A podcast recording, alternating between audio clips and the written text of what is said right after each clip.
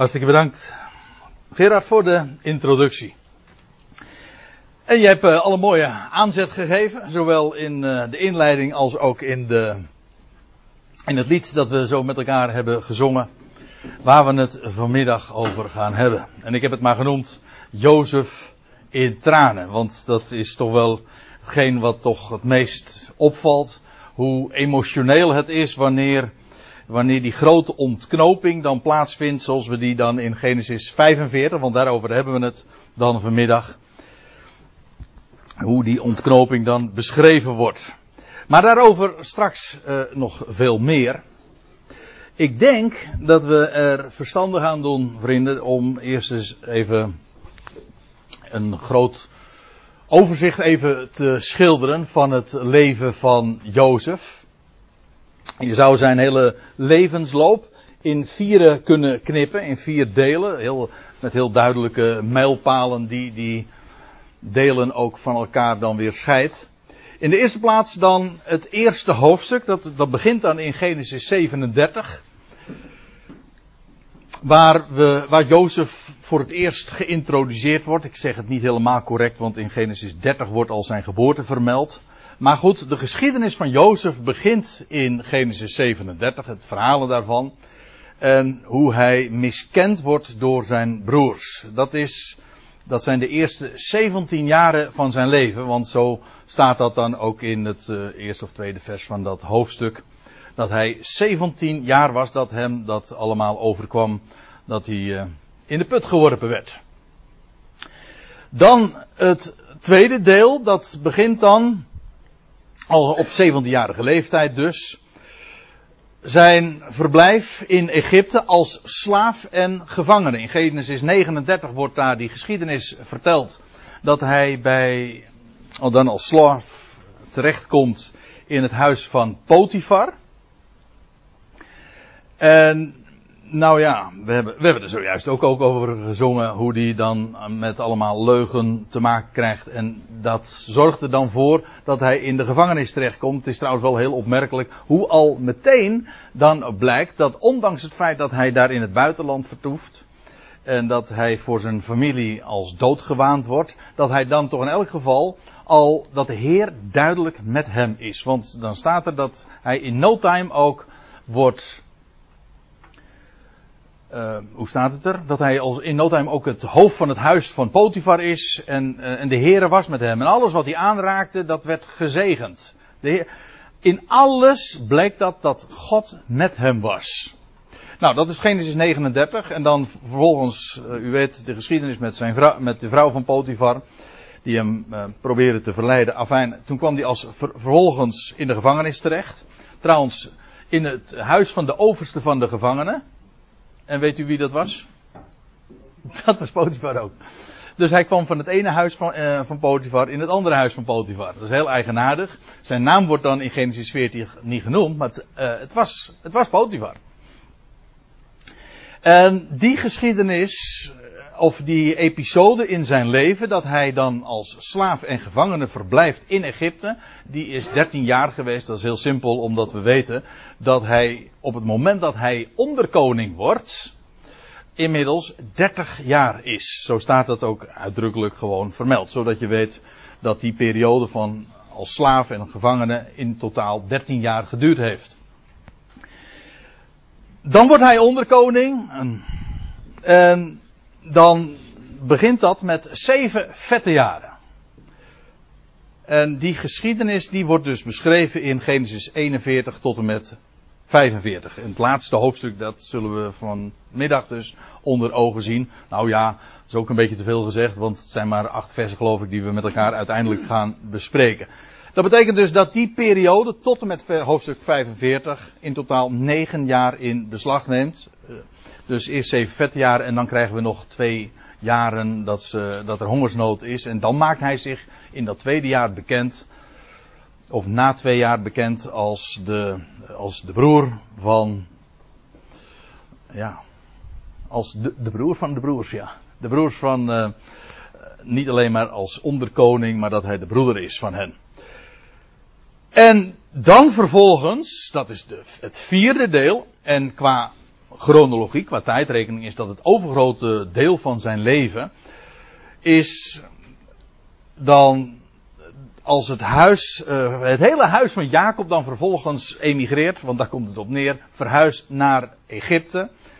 En dan zijn inmiddels dus de broers tot erkenning gekomen. En die geschieden, en die periode duurt dan nog eens een keer 71 jaar. Als je bij elkaar optelt, dan komt, komt dat, kom je dus tot 110 jaar. Zo oud is Jozef geworden. Zoals ooit ook. Jozua, precies. Jozua, die werd ook 110. Hè? Is het zo? Kijk. Van Ephraim, ook nog eens. Wat zou daar toch achter tekenen? Maar daar gaan we het niet over hebben. Uh, die periode is dus in, in, totaliteit 71 jaar. Mooi, eh, leuk is dat, hè? Want voor Jacob, want Jacob is 109, 147 geworden. Voor Jacob heeft die periode 17 jaar geduurd. Zodat je eigenlijk ook een wonderlijke symmetrie krijgt. Dus het begint met 17 jaar en het eindigt ook weer met 17 jaar. Tenminste voor Jacob.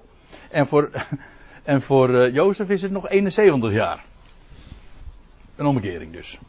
Ja, en die, en die, nou, die periode die wordt dan beschreven in Genesis 46 tot en met 50. Dus dat zijn de vier happen, zeg maar, van tijd in Jozefs leven. De grote mijlpalen die je daarin ziet. Dus miskend door zijn broeders. Dat zijn die eerste 17 jaren en die laatste 17 jaren van Jacobs leven. Dan wordt hij erkend door zijn broeders. En in die tussenliggende tijd, nou ja, heb je dit dus. Wat ik daarbij vooral ook wil benadrukken vanmiddag, en eigenlijk is ook dat al uh, aangezet door, door Gerard, en in de geschiedenis van Jozef kan dat je eigenlijk ook niet ontgaan. Namelijk dat hij een type is van Christus. Ik denk dat er eigenlijk geen figuur is in de hele Bijbel waarin dat zo duidelijk blijkt dat zijn hele leven als het ware een blauwdruk is van het leven van, van Jezus Christus in, in zijn vernedering, maar net zo goed ook in zijn verhoging. Natuurlijk, je zou vele, vele, vele voorbeelden kunnen geven en eigenlijk de hele Oude Testament. Ze zeggen wel eens een keer, het Oude Testament, de Hebreeuwse Bijbel, is niks anders dan Gods plaatjesboek waarin die al in talloze beelden laat zien wie de komende Christus zou zijn. Maar goed, Jozef is natuurlijk zo'n uitgesproken beeld. En ik wil dat nu eens op een wat andere wijze ook naar voren brengen. Namelijk als alleen al in zijn naam. Ik weet niet of u daar ooit bij hebt stilgestaan. Ik, eh, voor mij was het eigenlijk nieuw. Maar toen ik daar zo eens over nadacht. Over de betekenis van de naam van Jozef. Dat betekent letterlijk, hij zal toevoegen. In Genesis 30, vers 24 wordt dat gezegd. Rachel krijgt dan een baby, de eerste. U weet het, het was nogal complex in het huis van Jacob met eh, vrouwen en bijvrouwen. Maar Rachel krijgt dan eindelijk, ze was onvruchtbaar, maar God eh, deed uh, Jozef geboren worden. En dan is het Rachel die hem de naam geeft, Jozef, want staat er dat de Heer mij nog een zoon zal toevoegen of een kind zal toevoegen nog een naam zal geven. Met andere woorden, in de naam van Jozef zit eigenlijk al een verwijzing naar de komende zoon. Nog. Maar of niet? Hij zal toevoegen, namelijk, hij zal mij nog een kind geven. Feitelijk, als je Jozef zegt, de naam, gewoon de betekenis in het Hebreeuws, dan zit eigenlijk al in, om die zoon die na mij komt, daar gaat het. En dat vind ik mooi, want wie is dat? Nou, we kennen hem. Het verwijst naar de jongste broer van Jozef. En dat is ja, de bekende, de bekende Benjamin. Maar van hem lezen we in, uh, in Genesis, oh, wat is het? Uh, ik denk van 32. Dat hij werd geboren in het veld van Efrata bij Bethlehem. Nou, alleen dat zou toch je ogen moeten openen voor uh, het type. Hij werd geboren in de velden van Efrata. Nou, ik hoef dat niet eens uit te leggen. Hè? Maar bij die gelegenheid is het dat zijn moeder komt te sterven. Dus op het moment dat Benjamin geboren wordt, dan sterft Rachel. En als Rachel dan stervende is, dan zegt ze: Mijn zoon gaat heten Ben-Oni. En dat, dat Ben, dat betekent zoon. En dat Oni, dat heeft te maken met mijn smart. Zoon van mijn smarten. Dus zo komt hij ter wereld als de zoon van mijn smarten. Maar dan is het vervolgens, dat lees je dan direct daarop volgend, dat Jacob, nadat Rachel gestorven is en daar ook begraven wordt in de buurt. En dan is het Jacob die dan vervolgens zegt van nee, hij gaat geen Benoni heten. Hij gaat heten Ben-Jamin. En Jamin, dat heeft niks met snoepjes te maken. Maar dat, heeft, dat is in het Hebreeuwse woord voor rechts. Zoon van mijn rechterhand, dat is het. Dus hij, hij kwam ter wereld in de velden van Efrata als de Ben-Oni. Maar vervolgens is het de vader die hem maakt tot de zoon van mijn rechterhand. Nou, over wie heb ik het dan eigenlijk? Hm?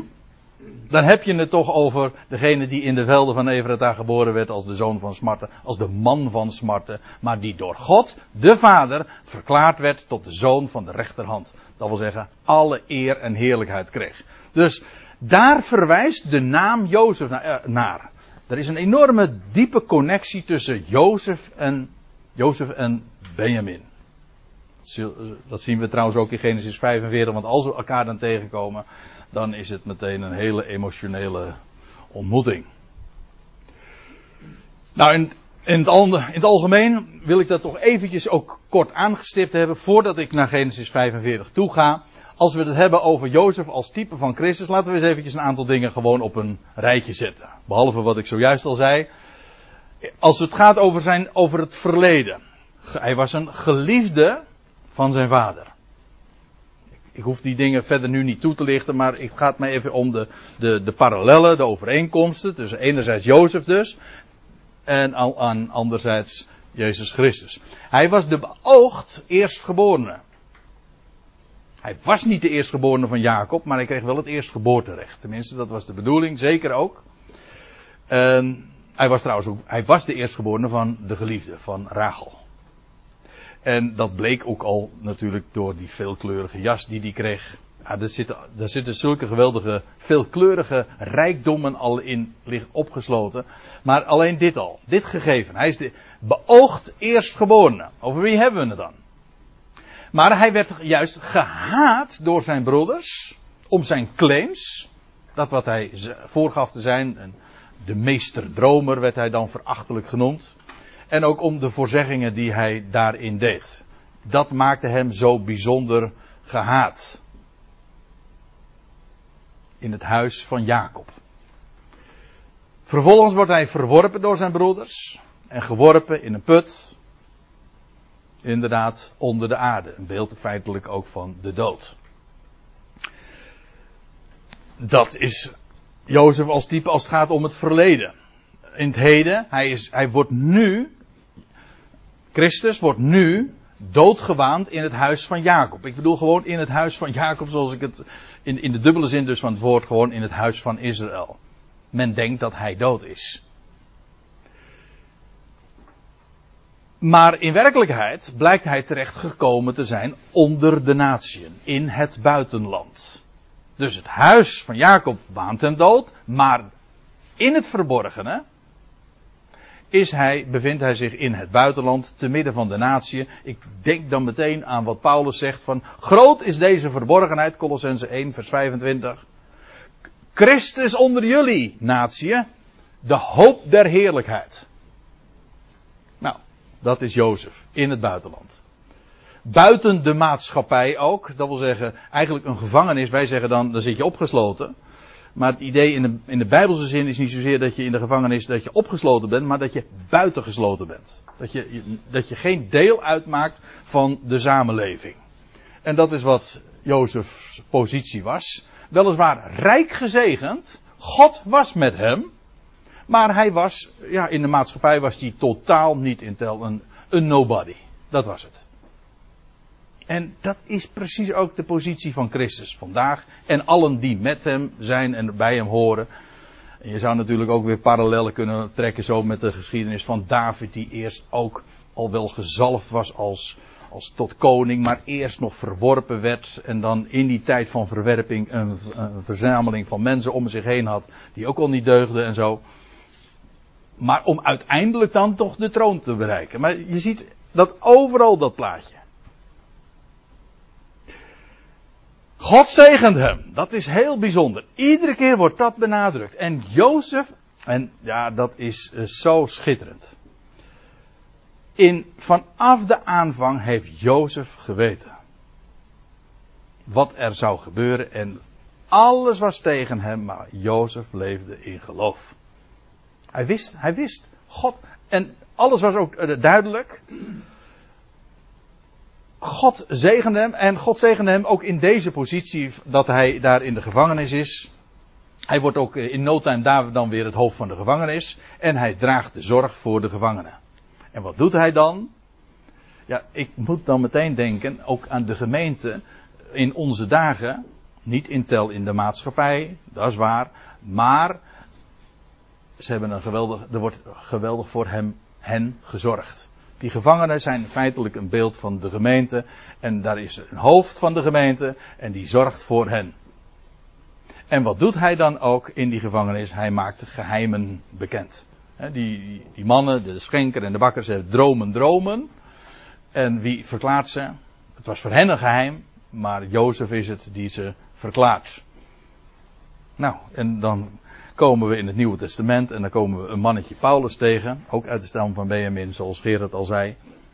En wat doet hij in zijn brieven? Hij maakt geheimenissen, verborgenheden bekend. Was hij trouwens ook in de gevangenis?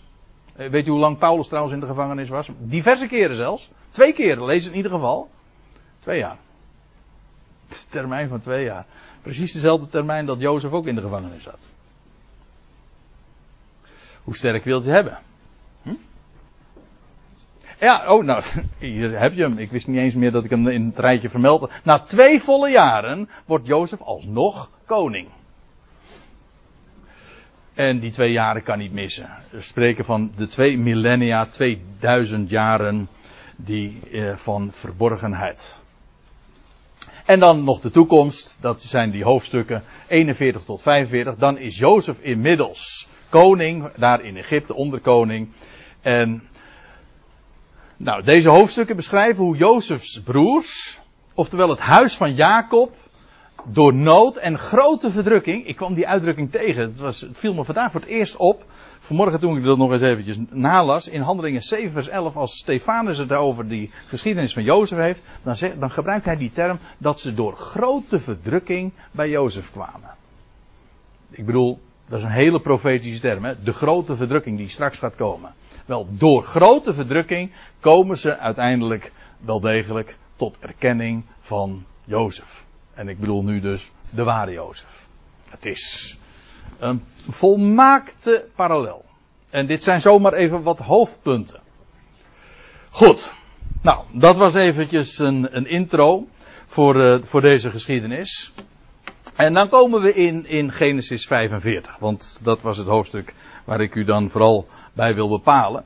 In Genesis 45, daar, dat is de ontknoping van de hele geschiedenis die eraan vooraf gegaan is, de, een hoogtepunt. En dan staat er, toen kon Jozef zich niet langer bedwingen, voor alle die bij hem stonden. Het is echt zo'n geschiedenis trouwens ook die je in één adem zou moeten lezen. Destijds, eh, ik herinner me als kind, dit gaat erin als koek natuurlijk. Want als je dat dan leest in die kinderbijbels, ik destijds van, van Anne de Vries, ik, ik kan de, de plaatjes me zo nog voor de geest halen. Dat hij zich dan, dat hij van zijn troon afkomt en dat hij zich dan aan zijn, huilend aan zijn broers bekend maakt. Maar dat, op welk moment was dat? Nou, er staat, toen kon Jozef zich niet langer bedwingen. Nou, als je dat zegt toen, dan moet je dus eigenlijk weer terugbladeren naar het voorgaande hoofdstuk. En dan kom je uh, terecht dus in Genesis 44. En wat gebeurde er? Kijk, de, de, broers die waren weer naar huis toe gegaan. Ik ga er een beetje van uit dat u de geschiedenis een beetje kent. Maar de, de broers waren weer naar huis toe gegaan. Nu met Benjamin weer terug. En wat had Jozef gedaan? Had een beker in de zakken van, van Jozef verborgen. Of laten verbergen. Dus toen, ja, toen werden ze alsnog weer het was allemaal in scène gezet natuurlijk. Maar toen werden ze alsnog weer naar Jozef toe gebracht. En dan lees je dat al die broers dan weer bij Jozef komen. En dan Jozef spreekt hen in eerste instantie bits toe. En dan is het Juda die het woord gaat voeren. En de mond is van zijn broers. Hij spreekt de schuldbeleidenis uit van uh, namens zijn broers. Wat zegt hij dan? Moet ze uh, even verder teruglezen in Genesis 44. Ik neem even een paar versen eruit. Het is in werkelijkheid een, een, nogal een lang verhaal dat Juda houdt. Maar dan zegt hij dan. Als die aan die beker gevonden is. Zo kwamen Juda en zijn broers in het huis van Jozef waar hij nog was. En staat er, ze wierpen zich voor hem ter aarde. Geen idee met wie ze nu nog van doen hebben natuurlijk, maar ze wierpen zich ter aarde.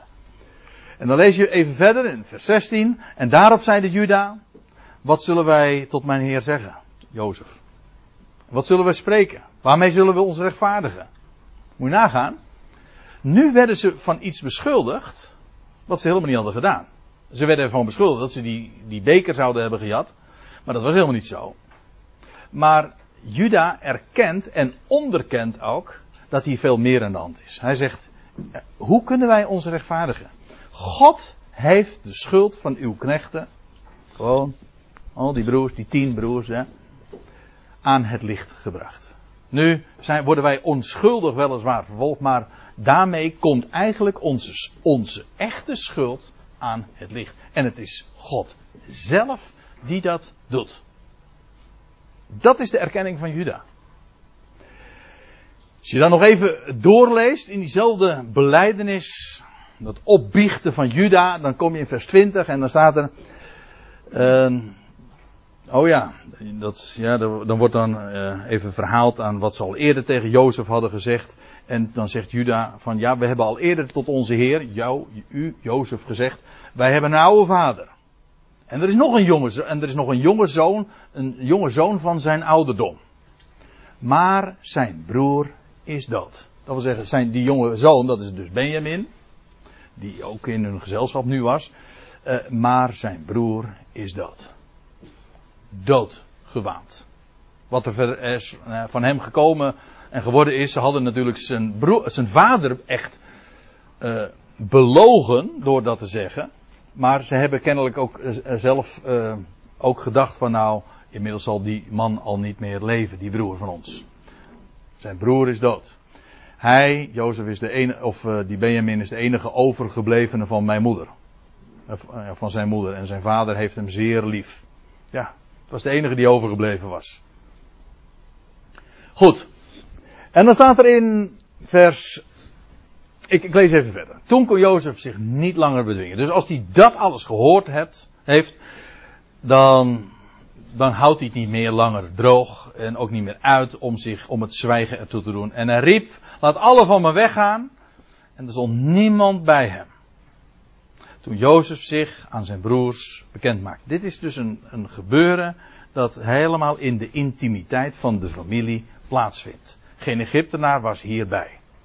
Moet er trouwens ook aan denken dat als straks Israël zal roepen om de Messias in de tijd van de grote verdrukking en uiteindelijk er geen uitweg meer is, dan zal er een ontmoeting plaatsvinden en dan zullen ze zien wie zij hebben doorstoken.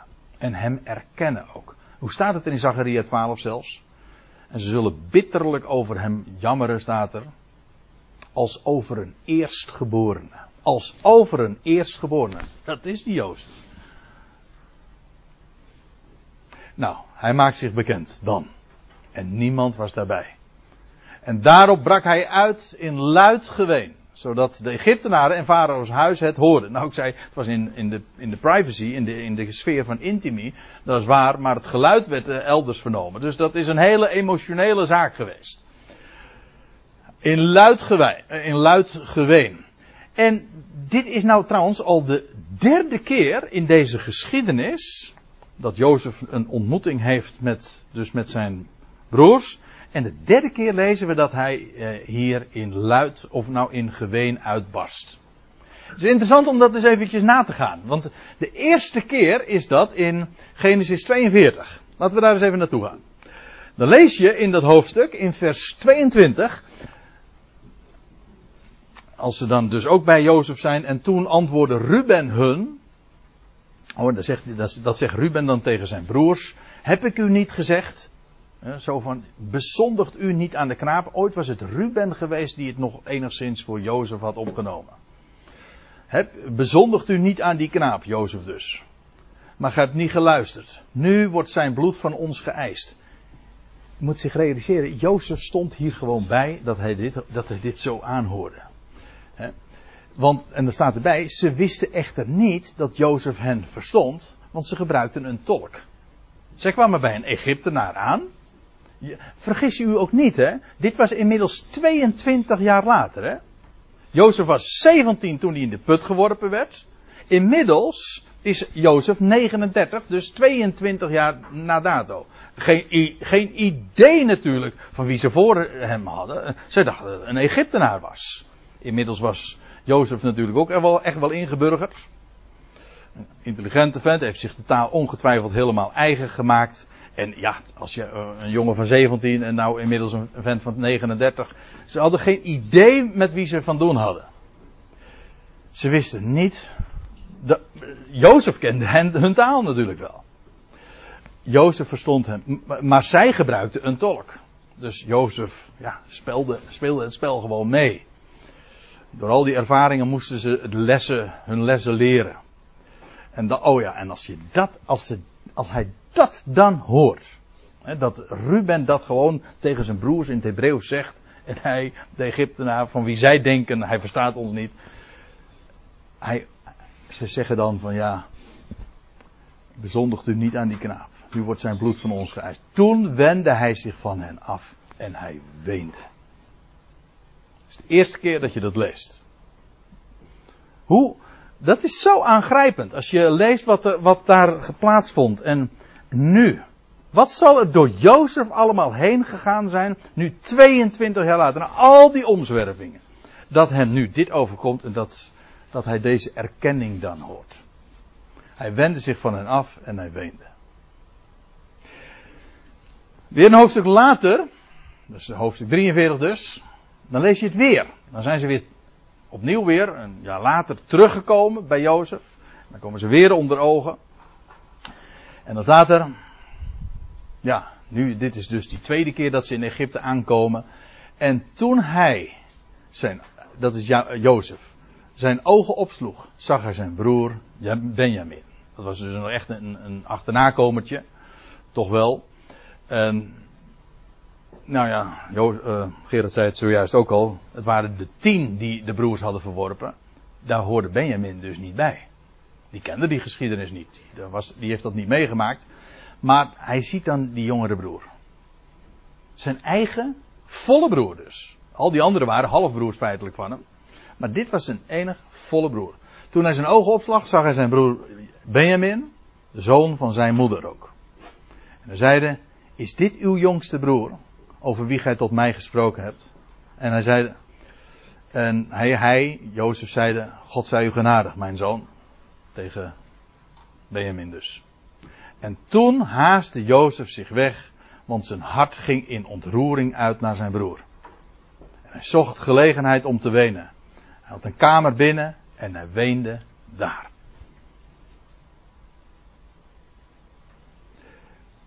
En dan lees je dat hij zich weer vermant. Daarna wies hij zijn gelaat en trad naar buiten. En hij bedwong zichzelf en zeide, en dan gaat het feest uh, beginnen. Wordt uh, de glazen geheven, ja, ja, er werd echt gedronken. Dat lees je in diezelfde geschiedenis. Maar het ging me even natuurlijk om dit, hè. Hij weende zeer. Zo aangrijpend was dit voor Jozef om nu zijn broer te zien.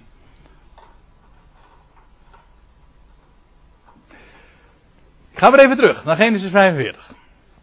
Hij weende dus. En Jozef, goed, hij, in luid geween brak hij uit en de, Jozef zei tot zijn broers, ik ben Jozef. Leeft mijn vader nog? Natuurlijk was dat geen, niet zozeer een informatieve vraag, want hij wist dat zijn vader nog leefde. Maar nu, het is eigenlijk een retorische vraag. Maar hiermee gaf hij aan van hoe, hoeveel zijn vader voor hem betekende. Hij was de geliefde van zijn vader, maar de vader was voor hem ook de geliefde. Ik ben Jozef. Leeft mijn vader nog? Maar zijn broers die konden hem niet antwoorden. Ja, kun je je voorstellen. Nu horen ze dit. alles is weggestuurd. Ze zullen zich ook daar wel hebben afgevraagd, wat gebeurt hier? Het was sowieso allemaal buitengewoon merkwaardig wat die man, die vreemde Egyptenaar, die, die onderkoning had gedaan. Door zo op te treden en het was zo wonderlijk. Maar nu, nu staan ze aan de grond genageld. Dat kan niet anders, staat er ook bij, hè. Nu horen ze hem ineens ook, eh, zonder tolk, eh, rechtstreeks tot hem praten. En zegt, ik ben Jozef. Zijn broers konden hem niet antwoorden, want ze deinsden van schrik voor hem terug. Ik ben Jozef. Je moet je even voorstellen wat er dan door hen gegaan is. En ik heb dat zo eventjes voor mezelf ook op een rijtje gezet. Ik ben Jozef. De meesterdromer. Die, zo, die, eh, die, eh, die zij, had ik nog tussen moeten zetten, eh, die zij zo hadden gehaat. Hij was trouwens ook een meester in de droom hoor. Dus voor hen was het een, een, een, een scheldnaam natuurlijk. Ik bedoel voor de broers. Maar hij was een meester in de dromen, in, in verborgenheden. En zo was hij trouwens ook op de troon terechtgekomen, want ja, uiteindelijk herinnerde de schenker zich ook, hey, ik ben Jozef. Dat wil zeggen, die jullie, die, die zij verworpen hebben. En verkocht hadden. Zelfs een moordaanslag op hem hadden geraamd. En zij hadden hem doodgewaand. Dat wil zeggen, en nu staat daar ineens iemand voor hen. Die zij hadden doodgewaand. Met andere woorden, hij staat daar nu als, als uit de doden opgestaan voor hen. En als ik zeg als uit de doden opgestaan, dan bedoel ik het gewoon zoals ik het zeg. Hij was doodgewaand en nu staat zeggen, ik ben Jozef. Er staat er iemand die, hij is dus als uit de doden opgestaan, maar u begrijpt natuurlijk wel, als ik het zo zeg, waar dit een beeld van is. Namelijk van Israëls Messias. Gedood door zijn volk, gehaat, etc. Ja, doorstoken. Maar er komt een moment dat hij zich, dat hij zich zal aandienen. Nu denken ze, nu denkt Israël nog steeds, als ze het hebben over de Messias, of pardon, als ze het hebben over Jezus, dan zeggen ze, ja, Jezus dat is een, een, een heidens figuur, de kerk enzovoort, dat heeft er allemaal, heeft niks met ons huis te maken. Tot, zij zien die, het Nieuwe Testament als een heel heidens gebeuren en, en dat van Jezus. Dat het een Jood is en dat het een Hebreeër is, hun eigen broer, dat, dat komt niet in hen op. Maar er komt een moment dat, ze, dat hij zich zal aandienen. Dan zullen ze de naam van Yahweh aanroepen en hij zal verschijnen. En ze zullen zien wie zij doorstoken hebben. Ja, zo staat het allemaal in de profeten. En aller oog zal hem zien. Zelfs staat erbij, zij die hem doorstoken hebben. Dat is zijn volk dus. Maar juist. Ja, ik ben Jozef, voor wie zij zich zojuist hadden neergebogen en voor wie ze nu, ja, wat zou er nu gaan gebeuren? Want uh, één ding zal toch in elk geval door hen hun eerste gedachte geweest zijn. Nu breekt het uur van vergelding aan. Dit is het moment om, om voor Jozef om echt inderdaad is hen hun, uh, op hun nummer te zetten. Nu zou de vergelding aanbreken. Vandaar natuurlijk, ze deinsten van schrik voor hem terug. Opperste verbazing, maar inderdaad ook echt schrik dus. Maar laten we even verder lezen. En toen zei Jozef tot zijn broers, kom toch naderbij.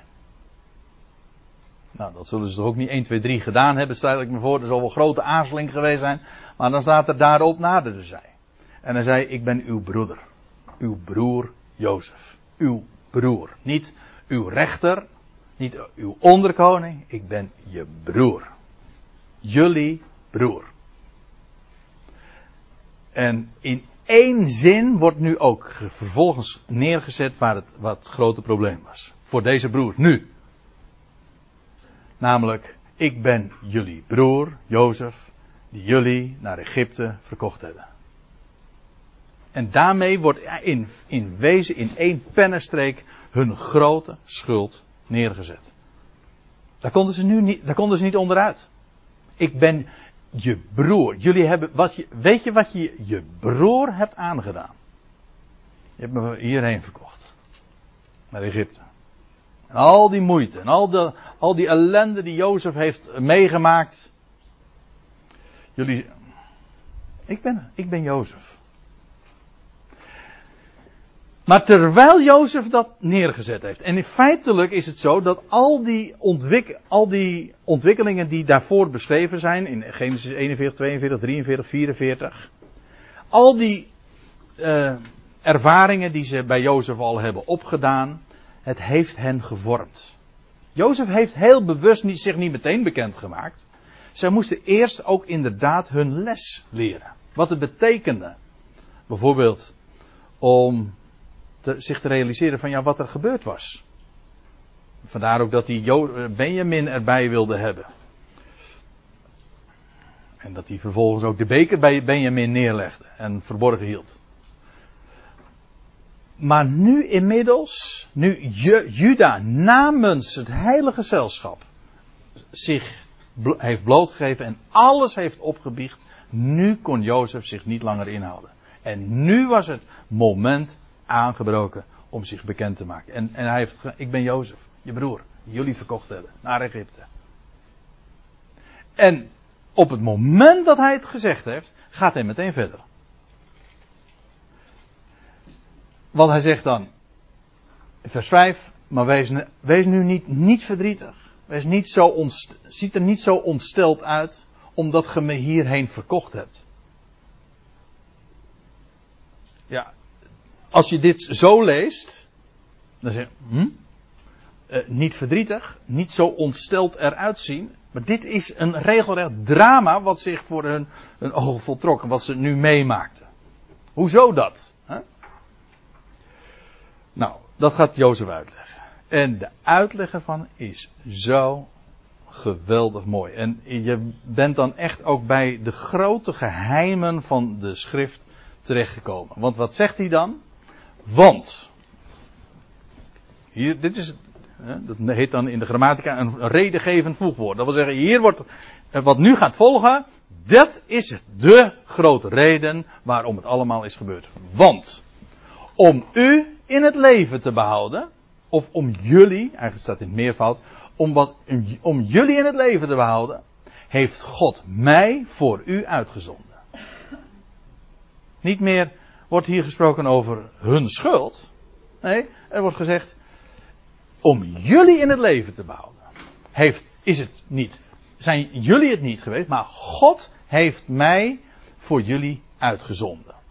Het komt er dus eigenlijk op neer, met andere woorden, doordat jullie mij wilden doden, kon God jullie het leven geven. En opnieuw zie je natuurlijk hier weer zo duidelijk. Ja, het kruis van Golgotha. Het volk, dat Israël, het volk van Israël dat de, haar Messias doodde. Maar juist door hem te doden, ging God aan Israël, maar ik, we kunnen het nog eventjes het plaatje veel groter maken. We gaan aan God, aan de wereld het leven geven. Want doordat zij hem doden, kon drie dagen later leven aan het licht gebracht worden. Leven dat de dood achter zich heeft. En dat leven wat hij aan het licht bracht, dat wordt het deel van de hele wereld. En in ieder geval ook het huis van Israël. Om, en dat was zelfs de reden. Want om u in het leven te behouden, heeft God mij voor u uitgezonden. Nou begrijp je ook meteen het loutere feit dat Jozef dit zo uitlegt. En ook meteen zijn broers daarin troost. Hij zegt, wees nou niet verdrietig, wees niet ontsteld. Dit moest zo gebeuren. God heeft dit alles in handen. Gewoon deze hele geschiedenis. Dan begrijp je ook waarom Jozef gedurende hele, dat hele traject, vanaf dat hij 17 was en daar al die ervaringen, dat hij in de woestijn meegevoerd werd, dat hij in het huis van Potifar terecht kwam, dat hij uiteindelijk in de gevangenis kwam. Jozef wist, God heeft het script in handen. God maakt geen fouten. En Jozef heeft zijn hele leven vrede gehad. Ik bedoel, alle omstandigheden waren volstrekte sprake tegen, maar Jozef wist het. Kijk, dat is, dan ken je God. ik bedoel nu niet te zeggen, godsdienstig, godsdienstig is de hele wereld. Zo'n beetje. Maar godsdienstig is één ding, religieus zijn. Maar God kennen, dat is wat anders. God kennen wil zeggen de beschikker van alles. Hij die alles in zijn hand heeft en goed en kwaad beschikt en dus gaat er nooit iets fout. Kijk, die God kende Jozef. En daarom had hij vrede. Als je dat weet, als, als God die alles gemaakt heeft, voor mij is, wat kan er dan tegen mij zijn? Als hij, als hij die alles, tot in de kleinste details, alles in handen heeft. Als hij, voor, als hij voor mij is, wat kan er dan tegen mij zijn? We hadden het uh, even van tevoren nog over, over chronologie en over de wonderlijke manieren waarop de Bijbel de, de, de tijdlijnen neerzet. Weet je wat zo mooi daarvan is? Het betekent dat er ook in je hele le in je leven, gewoon, nu bedoel ik het ook gewoon persoonlijk, er gebeurt niks zomaar bij toeval. Alles gebeurt, zoals de Engelsen zeggen, the right place, right time, precies, perfect. Kan niet missen. Waarom?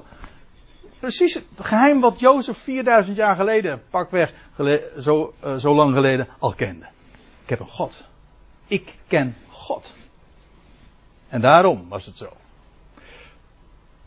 En dan legt hij nog verder naar, uh, dat nader uit, want, want reeds twee jaar is er hongersnood geweest in dit land. En er komen nog vijf jaren waarin niet geploegd of geoogst, oh, zal worden. Ja, Jozef had, nou de, in dit geval de farao had gedroomd, maar Jozef wist wat het betekende. En Jozef had zijn maatregelen al genomen. De zoon, God, hij was begiftigd met goddelijke wijsheid. Trouwens, om het u eventjes. Jozef was dus inmiddels 39 jaar oud. En uh, de laatste, uh, laatste tijd ben ik erg uh, met chronologie bezig, met tijdlijn enzovoort. Je moet me maar niet kwalijk nemen. Maar ik, ik zet het graag eventjes uiteen. Dan krijg je eventjes een tijdlijn van precies 500 jaar in het jaar 2000 sinds Adam. Ik bedoel, vanaf Adam gerekend was het in het jaar 2000 dat Abraham geboren werd. Precies 500 jaar later heb je de uittocht uit Egypte. En in het jaar 2100, toen Abraham 100 jaar oud was, werd Isaac geboren. Nog weer 60 jaar later werd Jacob geboren. En we weten dat toen die Jacob 130 was, dat hij naar Egypte. Ge... Dus je kunt dat zo allemaal in, op zo'n tijdbalk neerzetten. Maar nou gaan we eventjes inzoomen op de geschiedenis van Jozef. Hm? Dan krijg je de geboorte van Jozef. 17 jaar later. Dat is dit jaartal dus vanaf Adam gerekend. Komt hij daar, uh, wordt hij verkocht naar Egypte. Als 30-jarige man, dat is dus in 2280, komt hij op de troon terecht van Egypte. Dan is hij 37 jaar. En dan eindigen de vette jaren. En nog weer twee jaar later, dat is dus inmiddels in 22, uh, nou ja, in 22, 90 jaar, is Jozef 39 jaar oud. 22 jaar nadat zijn broers, dat hij zijn broers voor het laatst gezien had. En zij hem dus. En nu maakt hij zich bekend. En nu volgen er nog uh, vijf jaren. Ja. Goed. Dan heb u een beetje een idee van die tijd. Maar het gaat me eigenlijk, dit was even een korte onderbreking, zo even om een, een, indruk te hebben van die tijd. Maar lees even verder wat Jozef dan nog zegt tegen zijn broers. Hij zegt, daarom heeft God mij voor u uitgezonden. Om u een voortbestaan te verzekeren op aarde. Als u een statenvertaling hebt, dan staat er om een overblijfsel te stellen. Dat is precies wat er letterlijk ook staat. En dat is zo mooi, vind ik. Als er staat een over. De NBG-vertaling vind ik jammer. Want het is een overblijfsel. En als je de profeten kent, dan weet je, ha, dat is een bekende terminologie. Dat is die, een overblijfsel, dat is een rest. Gewoon wat overblijft. En dat is een term die juist verband houdt ook met de eindtijd. Straks, God gaat dat overblijfsel van Israël, dat wat overgebleven is, gaat hij brengen naar het land. En zal hij bekendmaken met de levende Messias die zij ooit hadden verworpen. Maar waarom? Waarom heeft God dat zo gedaan? Wel, om een, u een voortbestaan te verzekeren op aarde. En om voor u een groot aantal geredden, staat in de NBG-vertaling, maar zo staat het er niet. Staat in de Staatsvertaling staat wel correct. om, uh, om voor jullie een grote verlossing. Uh, om, uh, voor, ja, hoe het dan de zinsconstructie luidt, weet ik niet precies. Maar in ieder geval een grote verlossing. Niet een groot aantal gereden, een grote verlossing. En staat er in het leven te behouden. Tot behoudenis van leven. Kijk, als je al die zinnen zo naast elkaar zet, al die zinsdelen. Dan krijg je hier gewoon het plaatje van, van, van de ware Jozef. Die zich aan zijn, aan zijn broeders bekend maakt, onthult wie hij is. Hij zegt, het moest allemaal zo gaan. Het moest een overblijfsel zijn. Een grote verlossing. En ik ga leven geven. Het was eigenlijk zelfs zo sterk. Dat God, als, als die broers dat niet hadden gedaan. Had God zijn belofte. Nou ga ik iets heel raars misschien zeggen. Maar als die broers dat niet hadden gedaan. Had God zijn belofte aan Abraham. Niet eens kunnen realiseren. Nee, want om u een voortbestaan te verzekeren. Dat wil zeggen dat de, God had zijn, zijn belofte verbonden aan het huis van Jacob, aan, het nageslag van, van Jacob. Ja, maar als, dan, als daar geen Jozef was geweest in Egypte, had, had, had dat voortbestaan dus ineens uh, op losse schroeven komen te staan. Want het huis van Jacob had, was, dan uit, was dan uitgestorven en was in de hongersnood omgekomen. Maar om u een voortbestaan te verzekeren, heeft God mij voor jullie uitgezonden. En zo in het leven te houden. En dan zegt hij erbij, dus. Nu volgt een logische conclusie. Het is een noodzakelijke conclusie. Dus zijn jullie het niet die mij hierheen hebt gezonden, maar God. Ja, zo staat het er. Kijk, en ik weet dat uh, de theologie het hier verschrikkelijk moeilijk mee heeft. Want die zegt dan ja, dat kan niet. Hè? Uh, want mens legt altijd toch de, de, de, de schuld bij de mens. Dat is er wel. Ik bedoel, dat was duidelijk. Jozef had ook gezegd: Jullie hebben mij verkocht naar Egypte. Dat is waar. Maar dat is niet de reden. De diepste reden is de eer van God zelf. Die ervoor zorgt en garant voor staat om dat volk in het leven te houden, maar dat niet alleen, maar ook om zijn belofte gestand te doen. En door het kwaad heen doet hij dat. En dat kwaad blijkt zelfs een noodzakelijke factor te zijn. En dat zie je overal in de Bijbel. En ik weet natuurlijk dat mensen dan zeggen van ja, maar dat, dat mag je niet zo zeggen, want dan maak je God tot auteur. Kent u die uitdrukking? Dan, dan wordt God de auteur van het kwaad. Precies. Hè? God is, nou de uitdrukking zelf staat niet zo in de Bijbel, maar God zegt wel bij monden van Jezaja, ik ben het die het licht formeert, maar ook de duisternis schept. Ik ben het die de vrede maakt, maar ook het kwade schept. Ik, de Heere, doe dit alles. Moet je dit eens een keer zeggen. Dat is God blameren. Dat is niet God blameren. Het feit dat God de auteur is van het kwaad, dat is hem eren. Het, kwaad is in goede handen. Hij heeft het script in handen en het gaat nooit buiten hem om. En Jozef zegt dat. En ik weet dat mensen daar de verkeerde conclusie uit trekken. En als ze die conclusie trekken en je woorden in de mond leggen, dan heb ik goed nieuws voor u. Namelijk, u bent in heel goed gezelschap. Want, moet, je ze even meelezen. Uh, Romeinen 3. Daar zegt Paulus dit. Ook eigenlijk in een soortgelijk betoog. Maar dan zegt hij, maar indien de waarachtigheid van God door mijn leugen des te overvloediger is gebleken tot zijn heerlijkheid. Waarom word ik dan nog als zondaar uh, geoordeeld? Als, als, als mijn leugen alleen maar zijn ware, waarachtigheid des te meer aan het licht brengt, dan is dat toch tot zijn heerlijkheid. Maar hoe kan ik dan daar nog geoordeeld worden als zondaar? En dan zegt hij dit. Het is toch niet zoals men van ons lastert. Dus Paulus had last van laster. Hè? En wat, wat, was de laster die ze Paulus in de schoenen schoven? Sterker nog, sommigen lieten het hem zelfs zeggen. En legden woorden in zijn mond. En wat zeiden ze dan? Laten we het kwade doen, opdat het goede eruit voortkomen. Dat is wat, waar ze Paulus van belasterden. Sterker nog, ze legden het hem in de mond. En ik moet u zeggen, als je dit, dit, deze laster bekend in de oren klinkt, dan zeg je van nou, dan, uh, Er zijn beroerdere mensen geweest, hè, uh, wie ze daarvan hebben beschuldigd. Het betekent namelijk, als je, laat ik het anders zeggen. Als je die beschuldiging nooit hebt gekregen, dan predik je waarschijnlijk niet wat Paulus verteld heeft. Het, ja, precies, ja, van alles uh, kunnen ze, kunnen ze je in de, in de mond uh, in de mond leggen. En ze kunnen van alles beweren. Maar weet u, de waarheid is, God heeft goed en kwaad in de hand.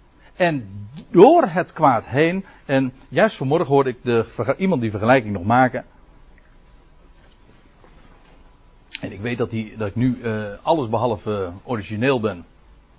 Want ik geloof dat hij uh, van Corrie ten Boom afkomstig is. Het bekende beeld van, die, van dat borduursel.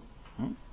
Ja, dat wij aan de achterkant allemaal zien. Kijk, dat is het menselijk. Gewoon van, van onderaf gezien, gewoon vanaf deze kant van de wereld, zeg je van het is een, een warboel en dan zeg je van de schuld van de mens. Ja, maar van bovenaf gezien, er is een God die de geschiedenis schrijft. Hij is de auteur van alles. Hij heeft het script in handen. Niets, maar dan ook werkelijk niets gaat buiten hem om. Dat Jozef verkocht werd naar Egypte, dat hij daar al die ellende meemaakte, dat was niet ten diepste de mens die dat deed. Het was God die daarin zijn hand had. Ontlastte dat hen van schuld? Nee. Maar God had het script in handen. De eer is aan hem. Juist door deze weg kon God zijn glorie openbaren. Ik heb er nog één. In uh, Johannes 9 vond ik een, uh, in dit verband een hele bijzondere tekst. In Johannes 9 daar lees je, uh, als dan die blindgeborenen daar zien in Jeruzalem. En dan staat er, en zijn discipelen vroegen hem, Jezus, en ze zeiden, Rabbi, wie heeft nou gezondigd, deze of zijn ouders, dat hij blind geboren is? Hm? De vraag is helder, toch? En Jezus antwoordde, nog deze heeft gezondigd, nog zijn ouders. Dat wil zeggen, dat is geen verklaring van de reden waarom hij blind geboren is. Dat, het is geen kwestie van de zonde van de mens. Of het nou die blindgeborene zelf is of het zijn ouders. Nee, de werken Gods. Die moesten in hem openbaar worden. Daarom. Let op zoals het staat, hè. Er staat dus niet. Hij, hij werd dus niet genezen omdat hij blind was. Nee, hij werd niet genezen omdat hij blind was. Hij was blind opdat hij genezen zou worden. Dat, dat is wat de Heer zegt. De werken Gods moesten in hem openbaar worden. En om het goede te leren kennen, eh, zet God het kwade in. Heeft de mens dat bedacht? Nee, hij zelf is de bedenker daarvan. En juist door die weg, er, kijk, kennis van goed is niet los verkrijgbaar. Alleen door kennis van kwaad leert een mens, door dat contrast, hij het kennen. En zo konden deze broers niet alleen maar in leven gehouden worden. Kijk, om eventjes bij deze, bij deze broers nog te blijven. Deze broers, die waren nu in leven gehouden. Ze hadden voedsel in overvloed gekregen. Ja. Maar het is één ding om gered te worden.